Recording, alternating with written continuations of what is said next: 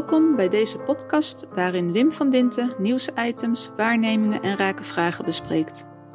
Veel zaken worden pas echt interessant als je dieper graaft en daar kom je altijd een laag van betekenisgeving tegen. In de podcast van deze week hoor je het audiospoor van de vlog van Wim van Dinten waarin hij ingaat op de controlerende, generalistische maatregelen rondom COVID waar steeds meer mensen moeite mee hebben. Deze aanpak paste bij het begin van de pandemie, maar daarna had de regering moeten overstappen op een evolutionaire benadering.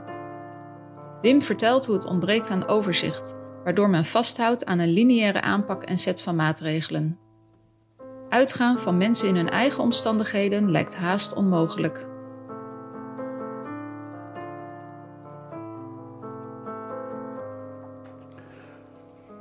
Goedenavond, goede middag, goedemorgen. Ik denk dat het ongeveer de volgorde is waarin men er naar kijkt. Uh, hartelijk welkom. Ja, ik had vorige week al aangekondigd dat ik het over COVID zou hebben. En de aanleiding daartoe was dat ik allerlei mensen in de politiek al daarmee bezig zag om een positie aan te ontlenen in de verkiezingen. En gisteren zag ik dan een stuk van het Tweede Kamerdebat en dan valt je op dat de vragen die er zijn van uh, partijleiders, fractievoorzitters, uh, allemaal liggen op het gebied van operationaliteit. Welke groepen moeten gevaccineerd worden, waarmee. En daar kan men uren mee doen. En, en wat mij dan opvalt is dat het overzicht wat je zou willen herkennen en wat je van een parlement zou mogen verwachten, op geen enkele manier doorbreekt. En ik heb me afgevraagd hoe ik dat nou vandaag zichtbaar kan maken. En ja, dan begin ik toch maar bij het begin. En wil dan laten zien wat we hebben gekregen en wat de weg is. En wat dat dan betekent voor de periode die voor ons ligt. Het is natuurlijk duidelijk, als je uh, naar COVID kijkt en je hebt gezien hoe er geregeerd en bestuurd wordt, en je herkent de problemen in het operationele, of het gaat om toeslagen, of om huizenbouw, of om huren, of om inkomen, of om, maakt niet uit. Dan zie je een grote mate van controle en detaillering van maatregelen en is het pragmatisch opportunistisch. En ook dan vraag je af waar is het overzicht en waar gaat men dan heen en waar wil men dan heen. En sommigen noemen dat dan er is geen visie. Oké, er is geen visie. En, en, en zit dat dan ook in COVID? Ja, dat moet je eigenlijk wel verwachten. Want waarom zouden die bestuurders dan ineens anders kunnen doen en dat probleem niet meer zichtbaar maken? Dat over, gebrek aan overzicht zit dan ook in COVID. Alleen kun je het herkennen. En is het erg? Moet het misschien pragmatisch, opportunistisch? Nou, laten we bij het begin beginnen. Ik dacht dat 27 februari uh, vorig jaar in Nederland het eerste geval bekend werd, ergens in Breda. En de toenmalige minister maakte dat ook nog bekend op tv. En ja, toen was het eigenlijk al heel lang aan de gang, een paar weken, in uh, Italië, met hele ernstige consequenties. In Lombardije, vooral. En je zag die mensen ook daar rondom op vakantie geweest zijn. En je zag anderen in Oostenrijk op vakantie geweest. En het was een kwestie van even wachten tot die mensen binnen zouden komen, geïnfecteerd en wel. En dan ook nog de carnavalstijd in. En ja hoor, het explodeerde. En het overviel ons tegelijkertijd, en niet alleen in ons land, maar ook in alle andere landen. In Engeland uh, voetbalde Liverpool toch nog in het internationaal verband, stadion vol, terwijl die COVID-epidemie al liep. En Boris Johnson schudde handen, en dat heeft hij ook geweten daarna. Wat, wat je dus zag was een soort van een onbekendheid met een epidemie en zo'n virusinfectie. En er waren ook geen beschermende middelen. En uh, er, waren ook geen mensen die er naar keken in termen van wat je nou bij zo'n pandemie die eraan zat te komen zou moeten doen in ons eigen land. Je hoorde, je hoorde dus maatregelen van de World Health Organization. En toen, je dan, toen ik dan eens terugkeek wat dat dan betekende, dan zag je dat we onder 90 landen een verdrag hadden ondertekend. waarin ze beloofden hun bevolking te beschermen en de internationale economie net zo bij het uitbreken van een pandemie. En op het moment dat de World Health Organization spreekt over een pandemie, dan, dan zijn die maatregelen van kracht. Ja, dan, dan zie je natuurlijk in zulke situaties dat je als overheid niet veel anders hebt dan uh, maatregelen die de wisselwerking tussen mensen vermindert. Dus je doet dat zo als het ging. Daar kun je geen kwaad woord van zeggen. Dat je uh, zorgt dat je alles afsluit. Dus mensen niet naar school. Uh, iedereen die, waarvan je denkt die thuis kan blijven. En die de internationale economie niet schaadt, die, die moet je dan thuis laten en sluiten datgene wat ook niet dat internationale economische verband zit. Maar mensen die in de farmacie zijn, of in de voedselketen, of um, in, de, in, de, bouwwereld. Die, de economie laat je doorgaan en je zorgt dus ook dat de KLM kan blijven vliegen. En de vakantievluchten weg ermee. Dus wat er gebeurde als set maatregelen op dat moment was volstrekt te begrijpen. En ook, je kunt niet veranderen. Je moest dat echt inderdaad pragmatisch, opportunistisch doen, rekening houdend met ook internationale economische kwesties. En dat heeft goed gewerkt, want eh, we zijn over die piek heen gekomen en in de zomer was het rustig. En mensen gingen op vakantie en wat je dan ook mocht verwachten gebeurde.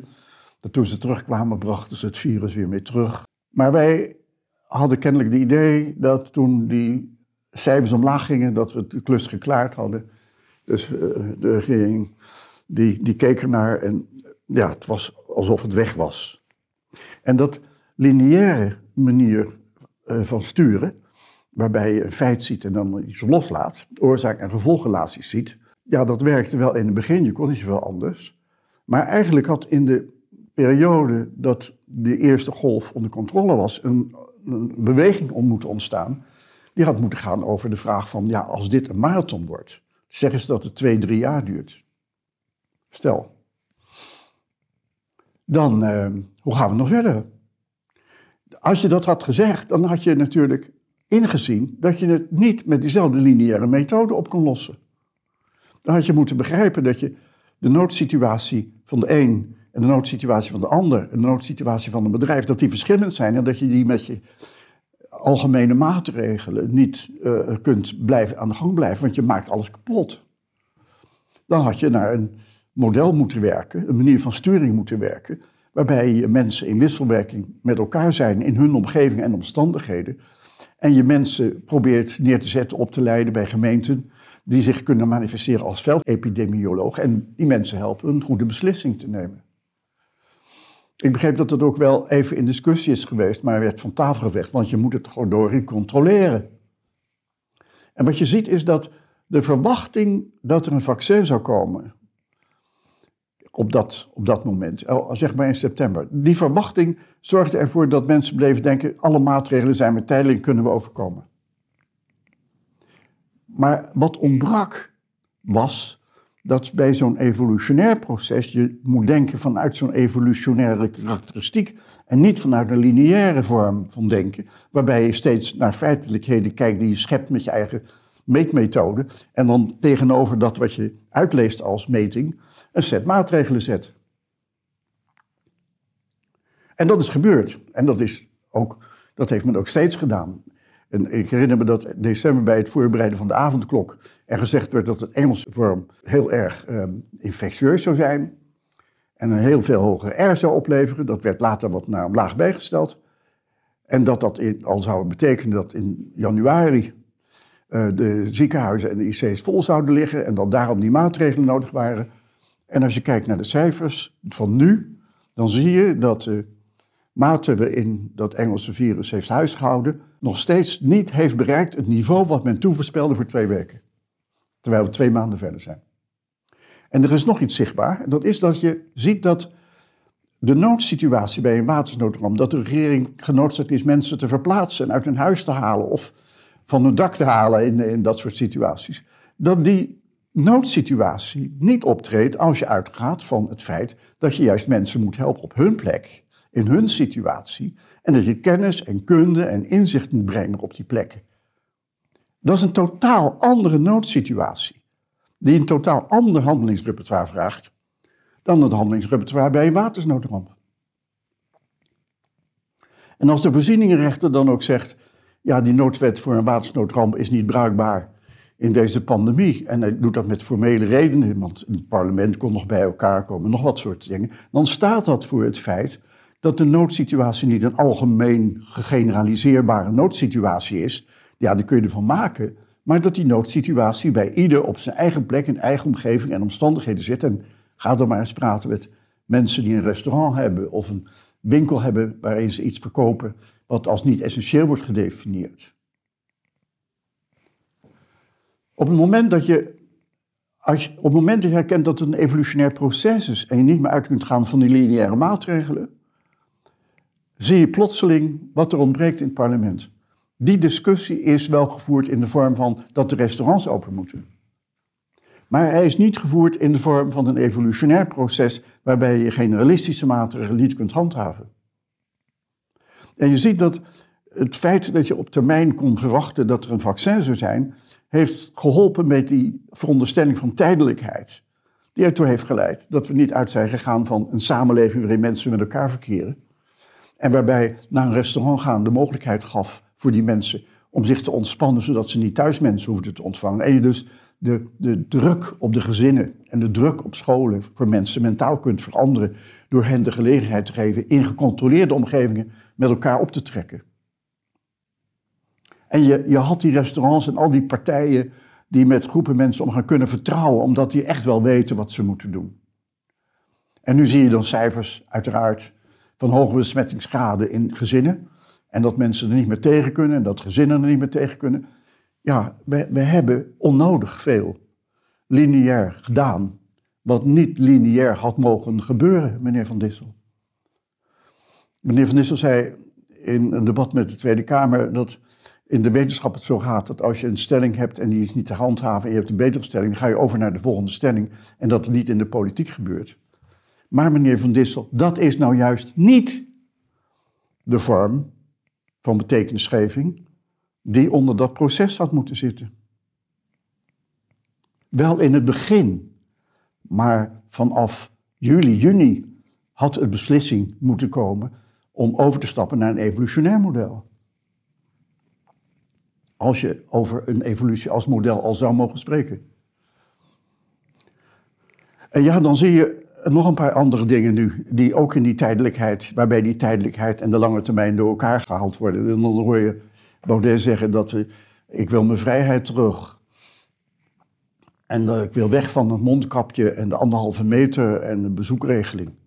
En dan haalt hij dus het begrip ik wil mijn vrijheid terug, wat, wat, iets, wat gaat over een toestand in een samenleving en niet gaat over een set maatregelen om een epidemie te bestrijden. Haalt hij door elkaar, verwart hij. En, en hij veronderstelt dus dat heel veel mensen daarin trappen, en maakt hem tegelijkertijd incompetent als bestuurder. En ja, natuurlijk zie je dan Rutte om in controle blijven en het land uit het slop halen. Maar meneer Rutte, mensen moeten dat doen. Niet de regering, mensen doen dat. En de regering zou daarbij moeten helpen. En dan zie je nu alweer dat er een app wordt ontwikkeld die op je mobieltje staat en die dan moet gaan dienen als groen paspoort. Maar als we teruggaan naar een samenleving zoals die was, hebben we dan nog zo'n paspoort nodig als iedereen is ingeënt? En wat is er mis met een brief waarin staat dat je gevaccineerd bent? Of een briefje waarin staat dat je test negatief is uitgevallen? Of waarvan je weet dat iemand COVID heeft gehad. En daarmee ook immuniteit heeft opgelopen. En dat weet je vaak juist in lokale omstandigheden waar je dat briefje niet nodig hebt. Want je, je weet of Mieke en Piet en Klaas, die je al vaker zag, of die immuniteit hebben opgedaan doordat ze de ziekte hebben gekregen. En ga dan niet aankomen met het feit dat dit, wat ik nu zeg, zou leiden tot een veel grotere explosie van mensen in ziekenhuizen en IC's. Ik denk dat een gecontroleerde manier van omgaan van mensen op hun eigen plek, waarbij ze geholpen worden en ondersteund worden om de goede beslissingen te nemen. Niet generalistisch, maar positioneel, specifiek, dat die vorm passend zou zijn bij deze epidemie. En dan kun je natuurlijk ook niet langs verzorgings- en verpleeghuizen. Uh, ik, moet dan vaak denken aan uh, Afrika, waar je ziet dat een epidemiologie heel anders eruit ziet dan bij ons. Neem ebola, zevenmaal zo besmettelijk, zevenmaal zo dodelijk. En in Afrika is er nog steeds een maatschappij, een samenleving waarin sociale betekenisgeving dominant is. Dus wat gebeurt er als jij dat overleeft en dan ga je naar je familie toe en je bent poortwachter voor je familie. Want als je het eenmaal hebt gehad, dan ben je immuun. Bij ons in de verpleeg- en verzorgingshuizen moeten er kinderen zijn geweest van degenen die er zitten, die ook immuniteit hebben opgedaan. Maar ik heb nergens gezien dat die dan zijn opgeroepen om poortwachter te zijn. Dat kan misschien ook niet bij ons, omdat we in een economie leven waarbij pa en ma werken en je niet zo kunt zeggen, ik laat alles uit mijn handen vallen. Maar dat toont tegelijkertijd aan waar de zwakte en de kwetsbaarheid zit van onze samenleving en onze economie. En tegelijkertijd zie je daarmee dat als het overzicht ontbreekt om er zo naar te kijken, je ook niet mag verwachten dat je in de verkiezingstijd een zicht krijgt op programma's die echt toekomstperspectief bieden. En dan bedoel ik niet het programma van Volt, wat de Europa verder neerzet, maar op een andere manier kijkt naar hoe een samenleving zich ontwikkelt in de komende jaren en wat daarbij aan omstandigheden mogelijk is. Daarover dan de volgende keren.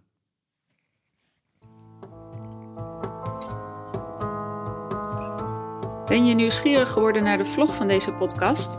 Klik dan op de link die je vindt in de omschrijving. Kom je iets tegen waar we met elkaar eens grondiger naar moeten kijken? Laat het ons weten. Stuur een berichtje naar czen, of via Facebook, LinkedIn of Twitter.